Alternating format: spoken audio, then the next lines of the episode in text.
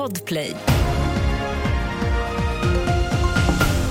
Här är senaste nytt. Skolinspektionen drar in tillståndet för bolaget ALM Education som driver Cordoba International School i Stockholm. Enligt myndigheten riskerar elever på skolan att radikaliseras. Uppgifterna bygger på information från Säkerhetspolisen.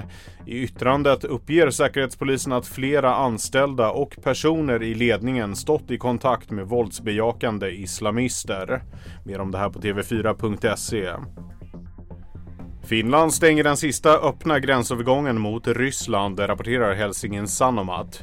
Gränsen kommer att stängas för all trafik förutom godstrafik, uppger två regeringskällor till tidningen.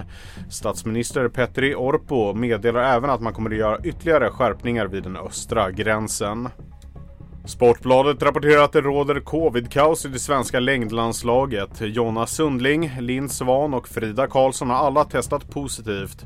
Och nu jobbar landslagsläkaren hårt för att begränsa smittspridningen inför världscuptävlingarna i Gällivare. Mer nyheter hittar du på tv4.se.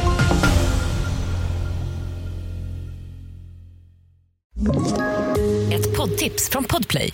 I podden Något Kaiko garanterar östgötarna Brutti och jag, Davva, dig en stor dos skratt. Där följer jag pladask för köttätandet igen. Man är lite som en jävla vampyr. Man har fått lite blodsmak och då måste man ha mer. Udda spaningar, fängslande anekdoter och en och annan arg rant. Jag måste ha mitt kaffe på morgonen för annars är jag ingen trevlig människa. Då är du ingen trevlig människa, punkt. Något Kaiko, hör du på Podplay. Därför är gardinerna.